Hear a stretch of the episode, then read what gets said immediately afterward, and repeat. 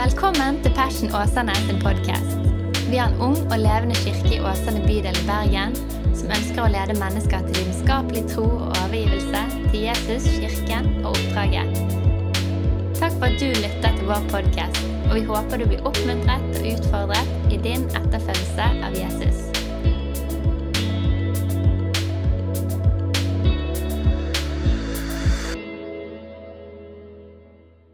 Du, vi begynner på en serie i dag, en miniserie som handler om kirken, og heter helt enkelt Kirke.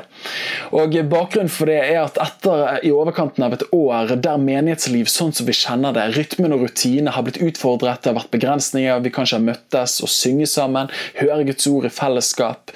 Vi har heldigvis kunnet møtes i huskirkene i den mesteparten av tiden, men selv der har det vært begrensninger eh, en del av denne tiden som vi legger bak oss. Og jeg tror at en av de tingene som er utfordrende når vi mister våre vanlige rytmer og rutiner, er at det ofte er vanskelig å komme tilbake igjen i de. Og nå er ikke målet her at jeg skal ha en, eller annen moraliserende preken der vi skal piske hverandre inn i kustus igjen. På ingen måte. Men jeg tror at det er lett at bedagelighet og hverdagens bekymringer tar oss, eh, og at man gjerne degraderer viktigheten av hva menighet er for noe. Og Vi trenger av og til å bli påminnet av hvor viktig det faktisk er. Og eh, Det er bakgrunnen. I dag skal jeg danne, eh, legge grunnmuren, der jeg har lyst til å snakke litt teologisk, bibelsk. Hva er kirke ment å være for noe? Og tror at jeg kommer til å gi noen viktige sannheter til oss som forsamling og enkeltmennesker. Neste søndag så kommer Helene på, og der skal hun snakke enda mer livsnært om innholdet i dette byggverket som er menighetens kirken. Hva det betyr for livene våre, hvordan gjøre det praktisk og livsnært i vår hverdag. Ikke minst for oss som har kids osv., der det er travelt og hei hvor det går. Du vet godt hvem du er. Eh, og så um, får vi besøk hvis eh, tiltakene er gode nok av en god venn av meg fra Sørlandet, som kommer til å snakke inn i hva kirke er for noe. Mer info om det. Men du, vi spretter av gårde. Jesus snakker to ganger om kirke i Matteusevangeliet. Første gangen er i det 16. kapittelet. Der snakker han om den universelle kirke. Om kirken generelt, uansett hvor han er plassert og lokalisert rundt om i verden. Og i det 18. kapittelet snakker han om den lokale kirke. Og Sånn er det i Det nye testamentet. Når han snakker om kirken, så snakker han enten om den universelle i sin helhet, eller kirken i lokale kirken, enten på ett sted eller i en region osv. Vi skal sprette ut ifra velkjente vers. Og Jesus har helbredet mennesker, han har undervist, og han begynner å rette sitt ansikt mot Jerusalem, der klimakset av det hele skal finne sted.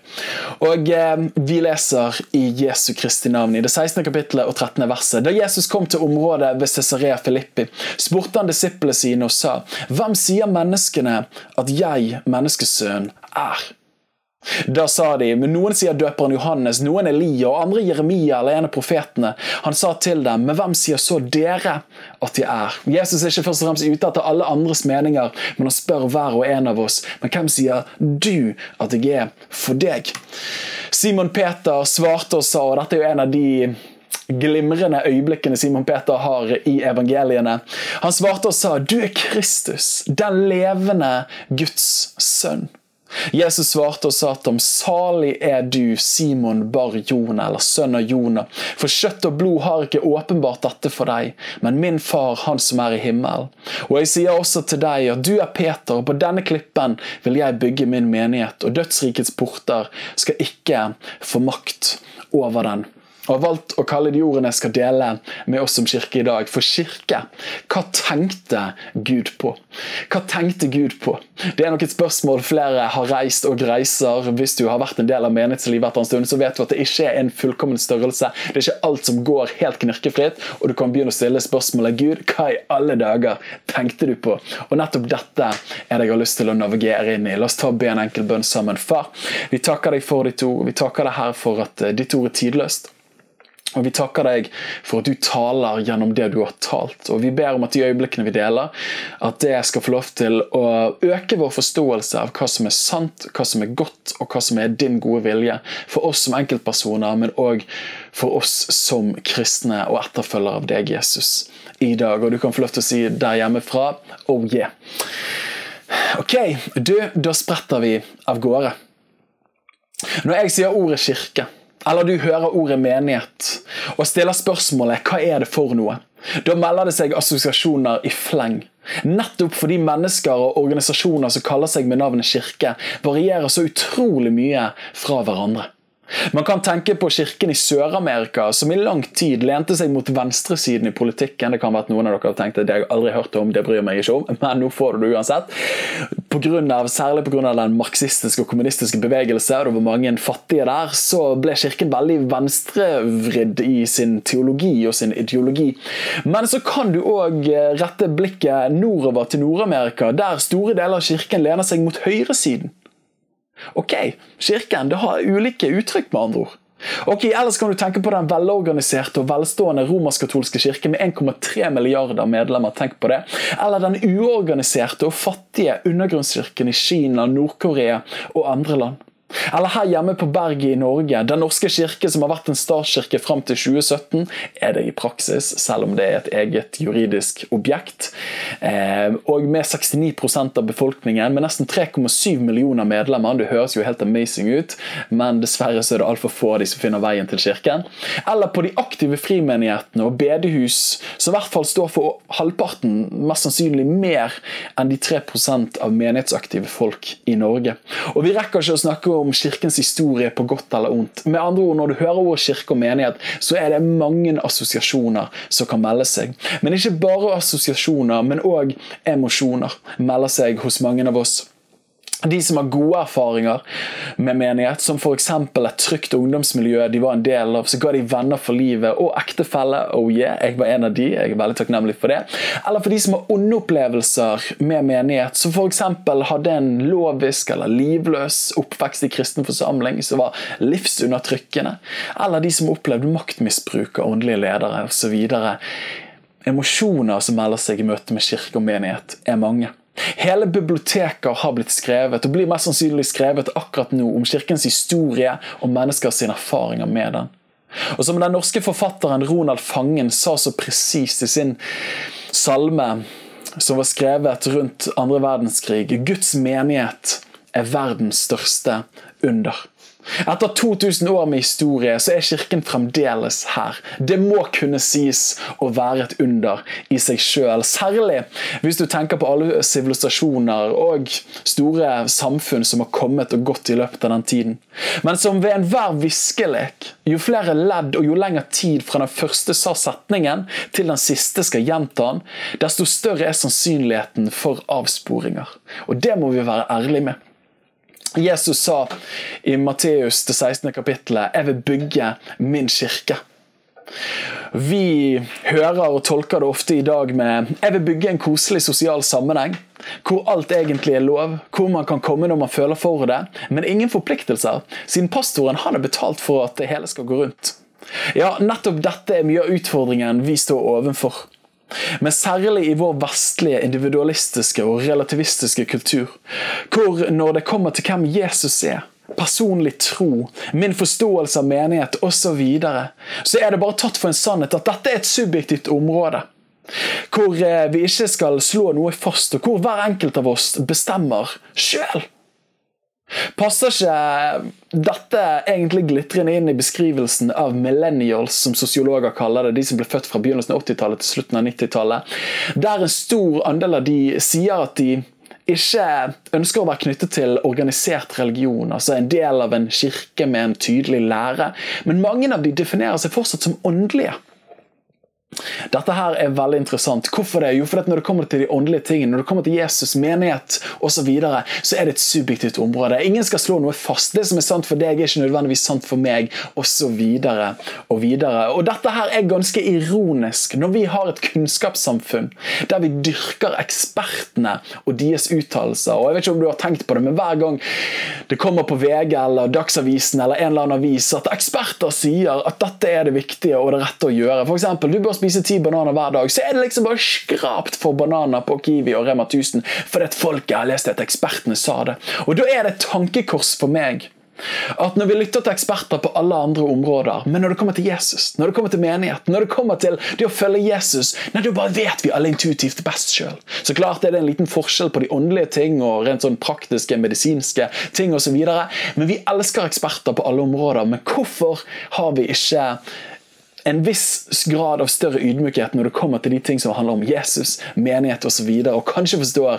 at det har levd mennesker som har levd lenger enn oss, og som har erfart mer enn oss, og ikke minst at Gud òg har noe han ville sagt når det kommer til han sjøl og vårt forhold til han.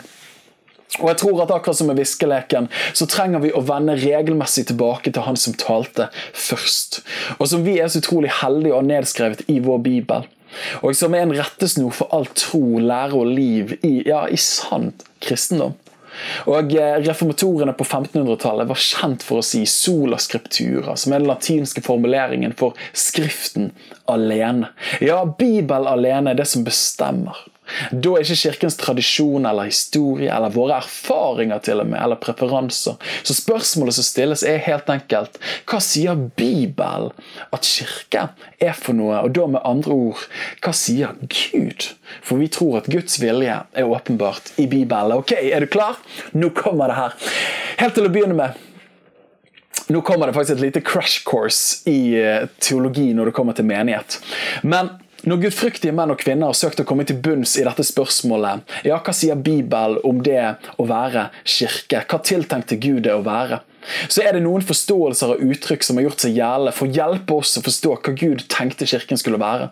Dette blir ofte kalt eh, for systematisk teologi, hvor man prøver å lage et oversiktlig system ut ifra det bibelske materialet. Det blir aldri helt fullkomment, siden Gud er så utrolig mye mer større og levende enn de systemer vi kan skape. Men det hjelper oss til å sortere litt. Det har hjulpet meg personlig, og jeg tror at det kan hjelpe deg som en etterfølger av Jesus, men ikke minst som en del av Passion. Så la oss se på noen av disse hjelpende formuleringene og forståelsene. Ja, dette blir et lite crash course i litt kirkehistorie og systematisk teologi. Er du klar for det? Spenn beltet fast. Helt enkelt hva må til for at det kan kalles en menighet? Ja, hva er kjernen i det hele? Og Da er det en formulering som reformatorene brukte. og Når jeg eh, snakker om reformatorene, så tenker jeg særlig på Martin Luther, Jean Calvin og de andre ledende skikkelsene på 1500-tallet, den protestantiske kirken som vi er en del av vokste fram i verden.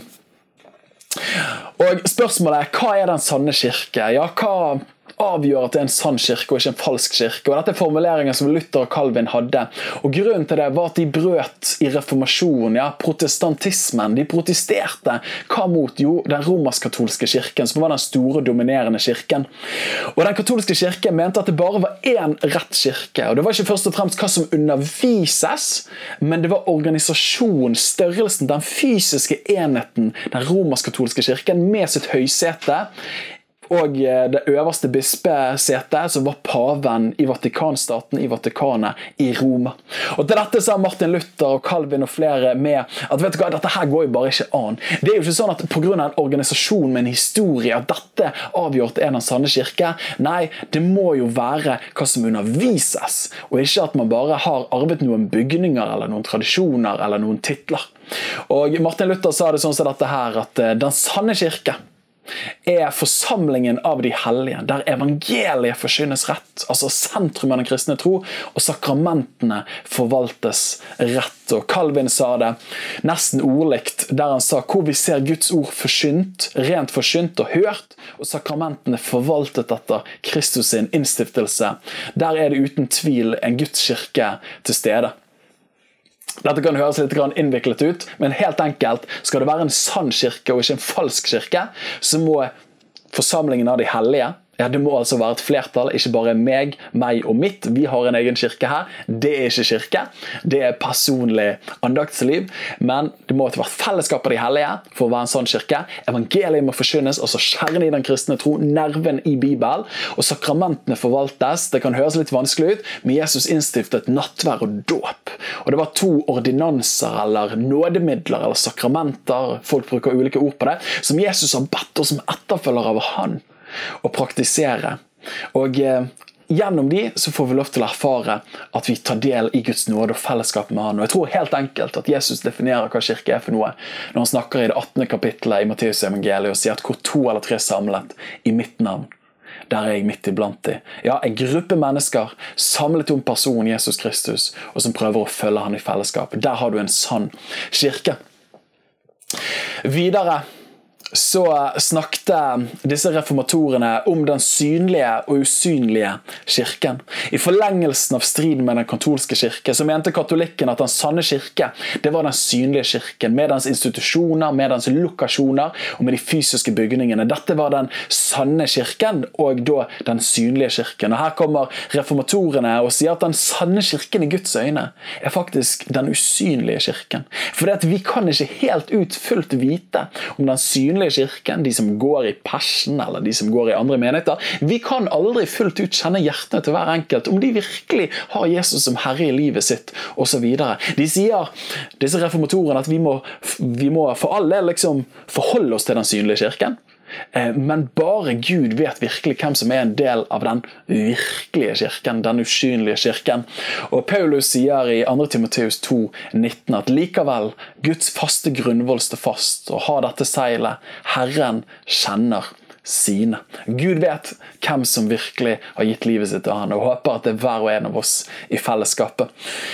Og eh, Dette er en god forståelse for oss i dag, og vi må forholde oss til den synlige kirken, men dypest sett er det bare Gud som kjenner hjertene. Og Guds menighet har òg en dobbel natur, i den forstand at han er både menneskelig den, som en synlig kirke så er han menneskelig, men så er han ikke minst også, som den usynlige kirke er det en åndelig kirke. Kirken er først og fremst født av Gud, men han må nødvendigvis få et menneskelig uttrykk så lenge vi er her på jorden. Og det har jeg lyst til å bare si at det er En av grunnene til at mennesker brenner seg på kirka, at det er rare assosiasjoner og emosjoner knyttet til det, er pga. at det får et menneskelig uttrykk. Og har du vært rundt nok mennesker, ja, har du vært nok rundt deg sjøl, så vet du at som menneske så er ingen av oss helt fullkommen. Ok, Her bare spretter vi videre. Tiden løper. Eh, de snakket òg videre om kirkens to tilstander, og dette har egentlig kirken snakket om helt tilbake til oldkirken. Der man snakket om at eh, de som tror på Jesus, de som er en del av kirken, vet du hva? det er ikke bare deg og meg som lever i dag. Og jeg synes faktisk det er litt oppmuntrende. Men helt tilbake til oldkirken, som man snakket om eklesia militans, som er det vi oversetter med som den stridende kirke. Og så har man også snakket om Eklesia triumfans, som er den seirende eller triumferende kirke. Og Daniel, Hva mener du med det her? Jo, helt enkelt. Hebreabrevet, det tolvte kapittelet og første og andre verset sier det sånn som dette, at da vi er omgitt av en så stor sky av vitner og jeg husker når jeg leste de versene til å begynne med i min kristne reise, at jeg tenkte hva er det jeg snakker om det? Er vi omgitt av en sky av vitner, folk som ser på oss? Ja, det er nettopp det som er tingen.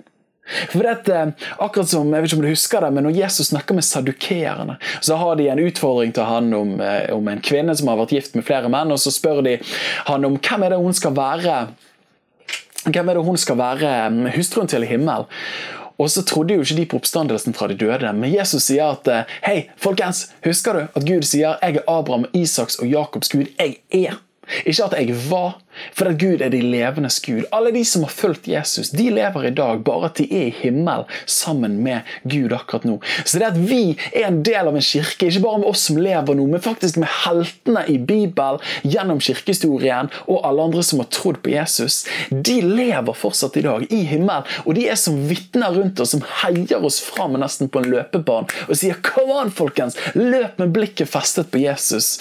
Vi er den stridende kirken akkurat nå, men en dag skal du og meg bli en del av den seirende kirken i himmelen og få lov til å heie fram neste generasjon av etterfølgere av Jesus. Ok, dette er oppmuntrende. Her er det mye. Daniel, hva kjennetegner da kirken?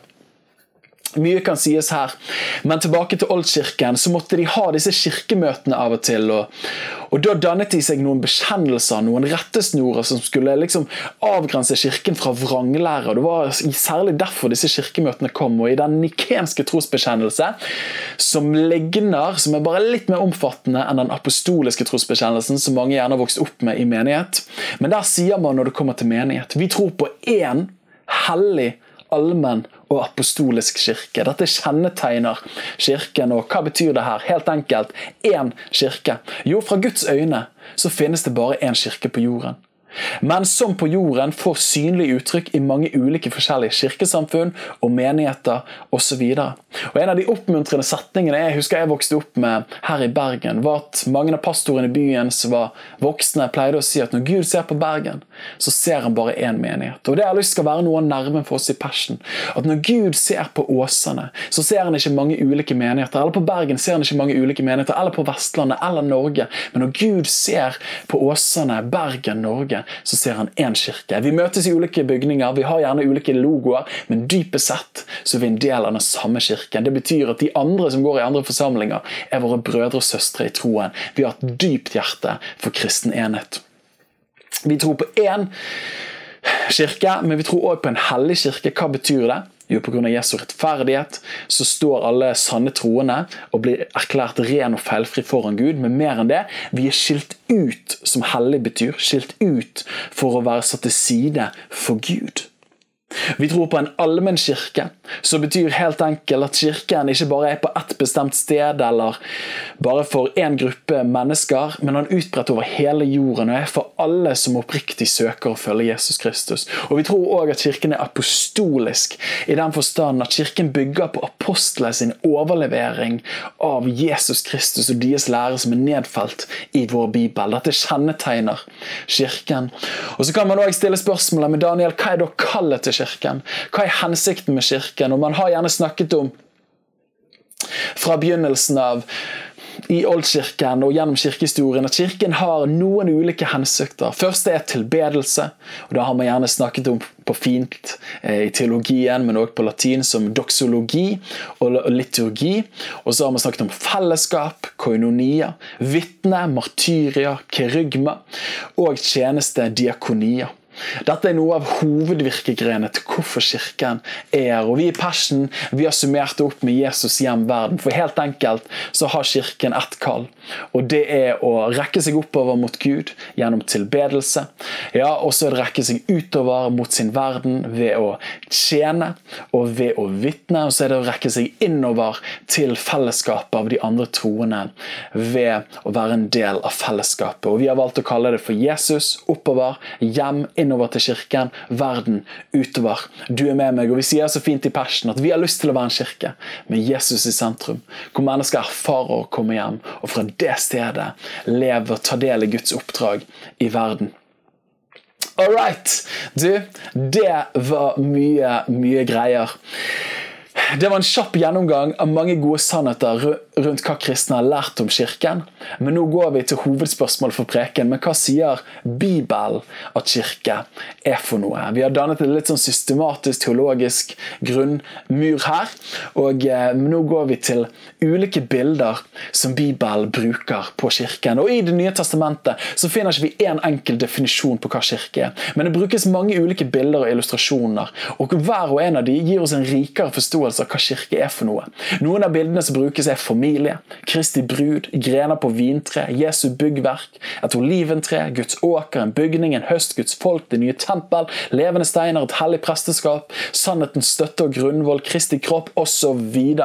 Det er mange beskrivelser, og jeg tror at hvert eneste en av disse beskrivelsene gir oss en dypere forståelse av hva Bibelen sier kirke, og da ikke minst passion, og ikke minst ta innvirkning på livene våre er ment å være. Og håper også at når vi dykker litt inn i disse tingene, her, at det skal få lov til å være med å knuse noen myter som i vår subjektive tid kan få lov til å forsvinne, og heller at vi kan få noen sannheter inn i hjertet vårt og måten vi lever livene våre på. For jeg tror at Guds menighet er ikke bare verdens største under, men Guds menighet og den største gaven som Gud har for livet ditt og for mitt i dag og for alle generasjoner. Og Den første beskrivelsen jeg har lyst til å løfte opp, er kirken som Jesu byggverk. Vi leste innledningsvis at Jesus sier, at, og jeg sier òg til deg, Peter, at du, Peter, på denne klippen vil jeg bygge min menighet, og dødsrikets porter skal ikke få makt over den. Jesus sier med andre ord, jeg vil bygge min menighet. Og noen ting jeg har lyst til å trekke ut her. Det første er fundamentet. Jesus sier han vil bygge min menighet. Israelsfolket i Gamle Testamentet ble også kalt Guds menighet. Og selv om det er en grad av fortsettelse og kontinuitet der, så markerer Jesus at han vil bygge noe nytt. Han vil bygge min menighet, og klippen fundamentet for denne menigheten er Peter sitt bright moment rett før der Jesus spurte hvem sier dere til Jesus, Så sier han du er Kristus. Og Kristus det er gresk for Messias, og jødene visste veldig godt hvem Messias var. Det var han det var snakket om gjennom hele Det gamle testamentet. Frelseskongen som skulle komme og frelse og gjøre alle ting vel. Så Peter sier du er Supermann vi har ventet på i årtusener. Ja, du er den levende Guds sønn. Ja, åpenbaringen om at Jesus er konge og frelser for alle mennesker og hele verden, det er fundamentet for kirken. Det er Jesu byggverk. Hva er fundamentet der? Jo, nemlig at Jesus er frelseren som har kommet til verden. Og Paulus sier det sånn i Korinterne. Han sier at for ingen kan legge en annen grunnvoll enn den som er lagt, og det er Jesus Kristus. Videre, hjørnesteinen i dette byggverket her, det er ja, I Gamle testamentet flere profetier taler om Guds kommende Messias som en hjørnestein, f.eks. Isaiah 28, 16. Og I en bygning på denne tiden, f.eks. en bro, så la de gjerne steiner opp og opp til siden med hverandre, men så hadde de en hjørnestein som var størst av alle, som holdt alle de andre steinene på plass. Om det var en bro, om det var en vegg, om det var et hus osv.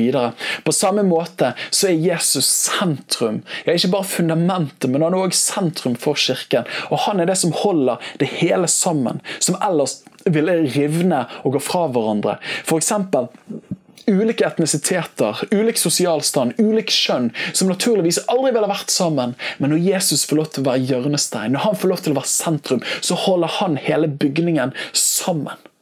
Åh, kjære venner. Når Jesus er sentrum, da begynner kirken, og da er kirken på sitt beste. Og videre vi som har kommet til tro på Jesus, så beskriver Peter oss, deg og meg, som levende steiner. Ja, i det samme bildet. Ja, I 1. Peter 2 så står det når dere kommer til ham som er den levende stein, bestemt for mentall, altså Jesus Kristus, hovedhjørnestein, som ble forkastet av mennesker, men er utvalgt av Gud og dyrebar, da blir òg dere som levende steiner, bygd opp til et åndelig hus, et hellig presteskap, til å bære fram åndelig offer som er til behag for Gud ved Jesus Kristus.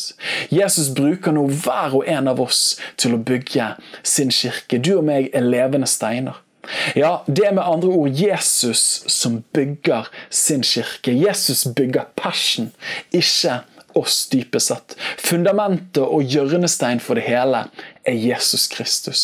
Og uten han i sentrum, så er det ikke den kirken han bygger. Ja, Det er faktisk det første alarmsignalet. Hvis ikke Jesus er sentrum av en menighet du kommer nær, så begynner man å bevege seg bort fra å være en sann kirke til en falsk kirke. Og da begynner det å bli farlig. Ja, Den kirken han bygger i dag, bygger han med vanlige mennesker som deg og meg, som er levende steiner, og hver og en av oss er viktig. Og det heftigste løftet på slutten, nemlig at uansett hvilke onde krefter som finnes Ja, Jesus sa dødsriket skal ikke kunne stå den imot. Skal aldri kunne stå imot den levende Guds kirke. Og det har historien vist. Det andre bildet som jeg har lyst til å løfte opp, og her kunne vi dykke dypt ned lenge, og jeg sa innledningsvis at jeg bygger et sånn teologisk fundament for det vi skal snakke om i denne serien her, så hold ørene og gjerne ikke minst litt spisset, sånn at du får med deg dette her. Men det andre er når Bibelen snakker om menigheten og Nytestamentet, så snakker han om kirken som Guds folk og som Guds familie. Og jeg må si personlig at dette er kanskje en av de favorittbildene som brukes av menighetene i Nytestamentet. Ikke minst Guds familie. I Titus, det andre kapittelet og 14. verset, så leser vi at, at, det står 'Han som ga seg selv for oss', altså Jesus, for at han skulle kjøpe oss fri fra all urettferdighet og synd, og rense for seg sjøl et eget folk som har iver etter å gjøre gode gjerninger. Ja, med andre ord, ta ut for seg sjøl et eget folk. Det er det Gud ønsker. Og videre i Efeseren, det andre kapittelet og det 17. verset og til det 19. Og han kom og forkynte evangeliet, altså Jesus, om fred for de som var langt borte, og fred for de som var nær ved, altså hedninger og jøder. For ved ham har vi begge adgang til vår Far i én ånd. Derfor er dere ikke lenger fremmede og utlendinger, men medborgere med de hellige, og dere hører til Guds familie. Ja, La oss se på noen ting her. Først et eget folk. Guds folk. I Gamle testamentene blir jødene kalt Guds folk, som Gud hadde utvalgt. Men pga. ulydighet mot han, så taler han flere ganger om at han en dag skal fornye sitt folk. Og han skal legge sine lover og viljen til å følge han i deres hjerter. Ta ut steinhjertet og gi dem kjøtthjertet. Esekiel 36. Og menighet på gresk er eklesia, som betyr å være kalt ut. Så når vi har kommet til tro på Jesus, så er vi kalt ut fra de andre som ikke tror. Ja, ja, men Daniel, sier det at det skal være noe forskjell på meg og de som ennå ikke tror? Ja, det sier jeg virkelig, og det er Bibelen kjempetydelig på. Vi er kalt ut fra det livet man levde før man kjente Jesus. Nytestamentet er kjempetydelig. Men vi er òg kalt sammen med de andre som òg er kalt ut. Kalt sammen til å følge Jesus i et fellesskap. Med en felles identitet og tilhørighet. Men vi er òg kalt til samme oppdrag med å utbre Guds rike. Det som kjennetegner f.eks. et folk, er jo at de har samme språk, de har samme kultur, samme historie, samme utseende i noe grad, samme verdier osv. Dette skaper en felles identitet og tilhørighet. Ja, og jeg bare tenker Hver gang vi møter nordmenn i Syden, det er jo det noe av det morsomste. Idet du er på Flesland, skal på chartertur til Alicante, så snakker ikke du med de andre på reisen. Men med en gang du har bare landet på de liksom, litt eh, sørlige breddegradene og kommet ut av flyet, og den lummerte varmen bare møter deg, slår deg i fjeset, og så går det et par dager rundt eh, i alle kanter, og så møter du en nordmann, overhører en i samme iskøen som snakker norsk, fra Bergen, og du bare 'Hei, er du fra Bergen?' Og så er det akkurat som dere har kjent hverandre kjempelenge, og jeg husker jeg har erfart dette i Syden, men så møter du de samme folkene i Norge og snakker ikke med deg i det hele tatt. Kjempefascinerende. Men uansett, pga. at vi er samme folk, vi har samme kultur, vi har samme språk, vi har til en viss grad samme verdier, hva er, hva er typisk norsk osv. Vi kjenner en identitet og tilhørighet sammen. Og nettopp dette her er det. Når vi er Guds folk, så er vi ikke helt like, men vi har mer som binder oss sammen og, og oss, gir oss et fellesskap enn hva som skiller oss. Og eh, Forrige gang jeg og Helene med Anna var i Spania, i Alicante eller i Torvieja, der mamma og pappa har en leilighet, shout-out. Jeg er utrolig glad for at de har en leilighet der. Eh, men koronatiden har forhindret oss å dra ned der, så jeg kjenner jeg savner det. Gud, du vet hvor mye jeg vil. Men når vi var der nede så var det søndag, og vi tenkte vet du hva, vi har lyst til å være sammen med Guds folk. Vi fant en, eh, en britisk frimenighet langt oppe i en lagerbygning ute i Gokk. Og når vi kom inn der, var snittalderen sikkert 65 år, det var sikkert 200 stykker der. Så det var liksom god kok. Eh, litt sur gitar og hei hvor det går, ikke en eneste annen unge der. Eh, men det var utrolig deilig å komme der. Hvorfor det? Jo, fordi det skjedde en kobling, og man har nesten lyst til å bare ta til tårene. For at jeg kjenner jeg er en del av det samme folket. Jeg snakker ikke det samme språk som dere. Eh, rent menneskelig. Jeg kommer ikke fra samme geografiske område, men vi snakker det samme språket i Gud. Vi kommer, har, det samme hjemlandet, nemlig himmel, osv. Du har sikkert dine erfaringer med det. Videre, vi er Guds familie, og den fremste åpenbaringen av Gud i Skriften er som far. Og Når vi kommer til tro på Jesus, så blir vi en del av Guds familie. Og vi har blitt barn av Gud. Enda mer og dypere enn det å være et folk sammen. Så deler samme familie, språk, kultur, historie, utseende, verdier og ikke minst slektstre. Og En familie gjør livet i både styrke og svakhet, og man tilhører i kraften av å være født inn i familien, og ikke fordi at man fortjener det. Hvilken herlig og nådefull sannhet. Og dette har jeg lyst til å si at Når du har blitt en etterfølger av Jesus, så har du blitt født på ny. Som Johannes 3. kapittel snakker om. At når du kommer til å tro på Jesus, så blir du født på ny. Du blir født inn i en familie som er menigheten. Det er ikke en valgmulighet, kirke, som jeg skal snakke mer om, men du blir født inn i det.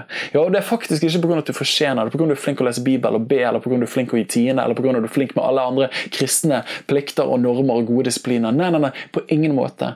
Men du er født inn og er en del av familien i kraft av at du er den du er, og har blitt født til et Guds barn gjennom Kristus.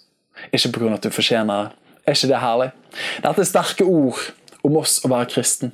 Vi har blitt automatisk en del av Guds folk og familie. Vi har blitt født på ny inn i tilhørighet. Og Dette går utrolig mot den individualistiske tilnærmingen vi har til tro i dag, hvor man gjerne tenker at man, at man følger Jesus alene.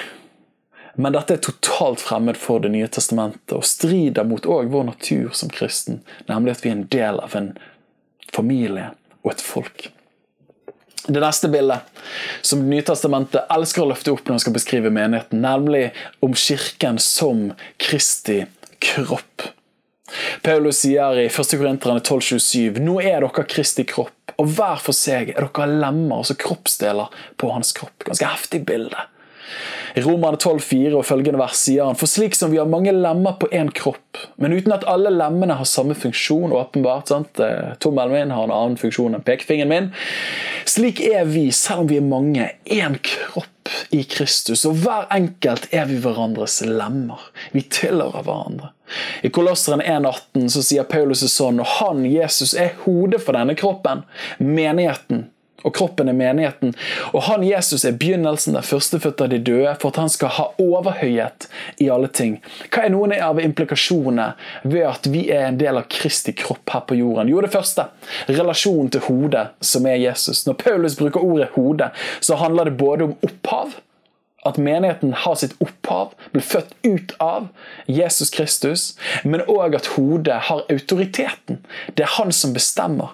En kirke holder bare sammen og vokser hvis man er koblet på hodet Jesus. Det er det første one on one. Skal du være en kirke, og skal du være en kirke over lengre tid, pass på at du er koblet godt med hodet, som er Jesus. For at kirken kommer fra han, og det er han som bestemmer, og det er han som leder den. Hvis du blir en hodeløs kropp, så lever ikke du veldig lenge. Det neste jeg har lyst til å ta ut fra det bildet, er medlemmer. Du har sikkert hørt om det. Ja, jeg er medlem i Rotary-klubben her i Åsane. Ja, jeg er medlem i Puddelforeningen her i Bergen. Medlem, medlem, medlem. Og vi nordmenn elsker mer enn nesten noen annet land i verden å være medlem i organisasjoner. Det er jo litt fastlig å tenke på. Men dette ordet medlem har de faktisk, når vi bruker det i samfunnet ellers, så har vi det fra Bibelen. For det betyr helt enkelt å være et medlem. Å være et lem, et kroppsdel, som hører sammen med de andre. Vi er ulike lemmer, altså ulike kroppsdeler, og de hører til den samme kroppen. Dette betyr bl.a. at det er grunnleggende likhet mellom alle oss. Vi er avhengig av hverandre, og vi har et ansvar for hverandre med de ulike funksjoner som hver og en av oss har. Og Det er veldig lett sånn å tenke at ja, men i, i kirken jeg, jeg, liker ikke den personen. Jeg syns de er rare, jeg syns deres humor er merkelig, jeg syns deres preferanser er litt underlig. Ja, Vi kommer ikke til å være bestevenner med alle i den lokale kirken som vi er en del av. Men vet du hva? vi har mer til felles. Vi tilhører hverandre, og vi er en del av den samme kroppen. Og Paulus sier at øyet kan ikke si til hånden 'Jeg har ikke bruk for deg'. Nei, tvert imot. Vi har bruk for hverandre. Og Hvis man kjenner på det som vi alle kan kjenne på av og til, jeg trenger ikke den personen, så trenger vi å gå litt i oss sjøl. Vi trenger å gå inn for Gud, og vi trenger å omvende oss. Fordi vi trenger hverandre. Vi hører til den samme kroppen. Og for det tredje kroppen tjener verden. Grunnen til at Jesus har sin kropp her, sin kirke her i verden, og ikke har rykket oss opp i himmelen, er jo helt enkelt fordi at han ønsker å fortsette å tjene verden. Sånn som Jesus tjente sine omgivelser, så er kirken ment noe i større skala som hans kropp. Å tjene verden ved å elske de som ikke blir elsket, ved å gi håp til de som mangler håp. Og ved å sette fri de som er bundet ved Den hellige ånds kraft, ved å helbrede de som er syke, og forkynne evangeliet til frelse for enhver og en som lever i dag. Er ikke det fantastisk? Vi er Kristi kropp. Med andre ord, Vi er ment å fortsette livet han levde, bare i en større skala. Og han er fortsatt med. Og Det siste bildet jeg har lyst til å løfte opp, og jeg vet at det går fort, men jeg har bare lyst til å løfte opp hva Bibelen lærer oss at kirke er for noe. Og Det er noen dype sannheter her som er mye rikere enn de personlige subjektive forståelsene ofte vi kan male av kirke, som en koselig gettoklubb der vi kan få lov til å bare få våre åndelige behov imøtekommet når vi føler for det. Nei, kirke er så langt mer enn det. Og Det neste bildet er at kirken som Jesu brud. Dette er jo gjerne et litt rart bilde for oss som er menn. Men hør på Paulus sin beskrivelse av kirken. Han skriver til menigheten i Korint, i 2. Korinterne 11,2, så sier han for jeg er nidskjær for dere med Guds nidskjærhet. Et av mine favorittvers i hele Nytestamentet. For jeg har forlovet dere med én mann, så jeg kan framstille dere som en ren jomfru for Kristus. Og Johannes, ved tidenes avslutning i åpenbaringsboken, skriver i 19. kapittel og 7. verset La oss være glade, fryde oss og gi ham ære, for lammets bryllup er kommet. Og hans kone har gjort seg rede, altså menigheten. Og det ble gitt henne, altså menigheten, å pynte seg i fint lin, rent og skinnende, for det fine linet er de helliges rettferdige gjerninger. Wow! Altså Dette bildet her skal jeg innrømme synes jeg har vært litt rart opp igjennom. Men som etterfølger av Jesus, i fellesskap som kirken, så taler Det nye testamentet om at vi er Kristi brud. Vi er forlovet med Jesus. Vi er lovet bort til han. Vi har sagt ja til han. Men vi er ennå ikke kommet til bryllupsdagen der historien har nådd sitt klimaks ved at det kommer en ny himmel og en ny jord der rettferdighet og fred rår, og all urett og synd er borte, og de forløste, de som har blitt en del av Kristus. Og hans brud skal få lov til å bli forenet med han i all evighet. Det er det vi lengter etter, det er det vi drømmer om noen implikasjoner for oss som kirke, som Kristi brud. Hva betyr det her? Jo, For det første, vi er forent med hodet, med brudgommen, med Jesus i kjærlighet. Nerven i alle ekteskap er det intime og kjærlige båndet mellom brud og brudgom som er ment å vare for alltid. Som kirke er vårt fremste kall å elske vår kommende brudgom. Og tenk hvor utrolig enkelt det egentlig er når man vet at han, som det står i Efeserne 5. kapittelet, elsket menigheten og ga seg sjøl for han. Jesus har allerede gitt livet for oss, og vi er kalt til å bare elske han tilbake i respons. Å, fantastisk! Kirke! Sorry hvis du ikke er så sentimental av deg. Men kirke er dypest sett et evig stevnemøte når vi kommer sammen, helt til vi fullt og helt skal bli gift med han og bo med han i all evighet. It's a lot of love in church. Ehm, det andre trofasthet, renhet. Vi er alt rene pga. Hans nåde. Men vi er kalt til å leve et liv i trofasthet mot Han. Ikke flørte med andre for å bruke det bildet. Ikke ha andre elskere. Ikke ha andre som vi kurtiserer og romantiserer. Ikke andre vi er utro mot, men vi er kalt til å vandre trofast mot Jesus. Han som har fått vårt ja. Han som vi har gitt våre hjerter til. Og vi er kalt til å vandre i renhet. for ikke og smusse oss til med synd og, og, gå etter andre elskere som Bibelen kaller for avguder. Og Nå snakker ikke jeg billedlig, eh, eller nå snakker jeg, jeg snakker billedlig, jeg snakker ikke bokstavelig. Eh, men du skal ikke ha mange elskere bokstavelig heller, du skal ha én person eh, som du er gift med av det, motsatte, eh, av det motsatte kjønn, som Bibelen lærer oss. Og Flere ganger formaner Skriften oss til å leve hellige og rene liv og rense oss for Gud. Og Det tredje jeg har lyst til å løfte opp innenfor det å være Kristi brud, er å leve et liv med forventning. Den store finale, oppfyllelsen av all historie, er når vi skal bli forent i ekteskap med Kristus. Ikke bare forlovet, men da skal vi, som Johannes sier, se Han sånn som Han er. Og vi er kalt til å leve med forventning til denne dagen og si, Herre Jesus, kom. Herre Jesus, kom.